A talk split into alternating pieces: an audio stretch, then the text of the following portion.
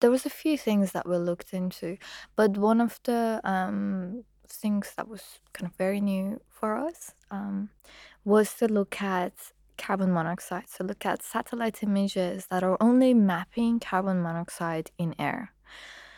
It's not about what is the surface of the earth, it's about what is the materiality of air. These satellite images have a particular resolution. There is a specific size of a pixel that um, has a different intensity of a color, and this intensity is showing how much carbon exists in a particular point. Now, we acquired an image for, um, I think it was the month of August, 15th of August in 2015. We acquired one image we looked at it and it was you could see a, a, huge concentration of carbon monoxide around the indonesia and so we knew that it was um, about fires. Then we uh, corresponded that with gis data that we had about the position of the sources of fire that were detected by Walhi on that day.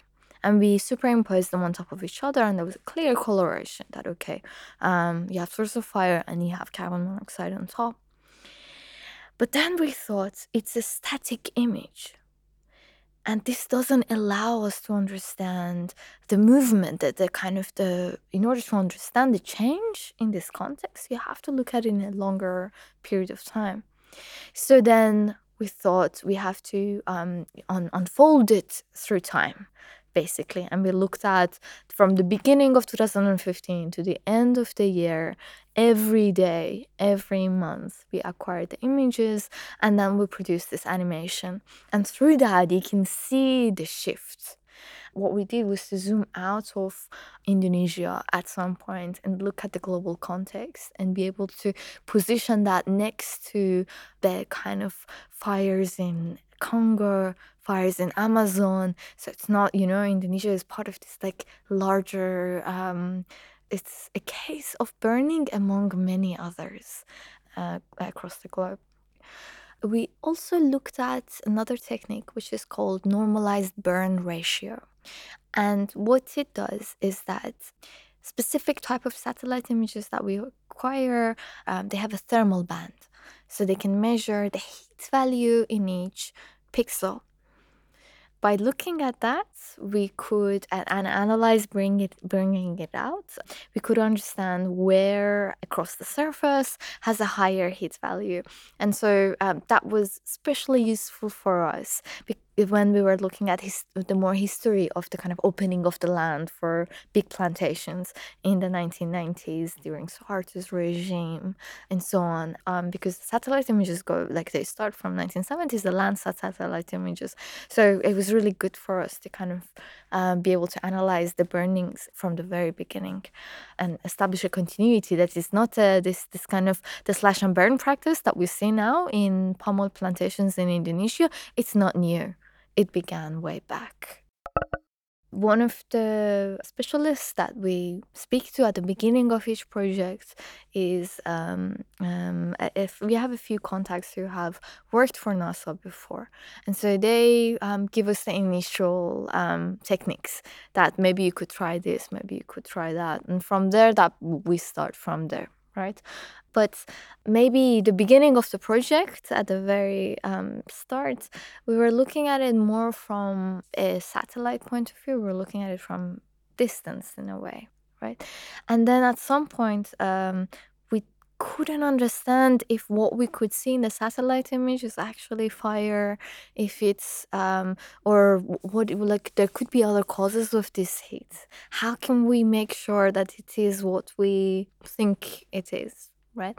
And so it became important for us to approach it differently, to engage with Walhi, to engage with for Orangutan Protection, to have this ground truth in order to back up to the and, and constantly go back and forth in order to make sure our um, claims have have their foot on the ground. I mean, we constantly come up with things that are problems. We um, think through them, we go to shift the argument and, and so on. Not sure if you know, but uh, kind of the sister of forensic architecture is Center for Research Architecture, which is based in Goldsmiths University. It's directed by Susan Schuppli, and um, and so uh, it's it's this collaboration between. Uh, it, that's where kind of the ideas come up. Ecocide is a new term. Um, it's environmental violence and its causes and consequences are distributed in time and space. So um, and in order to see it in order to identify it to um, produce evidence for it you need to um, have new techniques. You have to um, come up with new approaches. And um, and you have to teach the court. You have to um, teach the men in law um, and teach ourselves that wh- what is um, how, do we see environments today.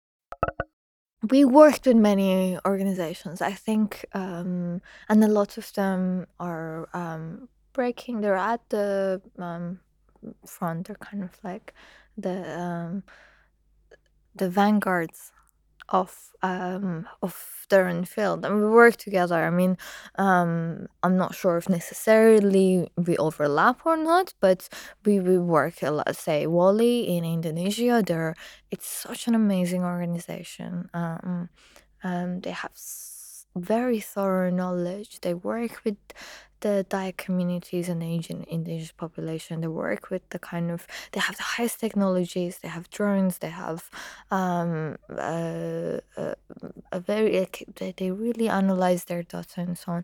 But we can bring something else to them, right? So it's about exchanges. Um, these exchanges that really help us um, to move forward together um, in a way. Um, uh, we might be doing uh, some work with Greenpeace um, um, more recently, but um, in, in Guatemala we had um, NGOs, local NGOs who we were working with at the very beginning, um, and so yeah. Um,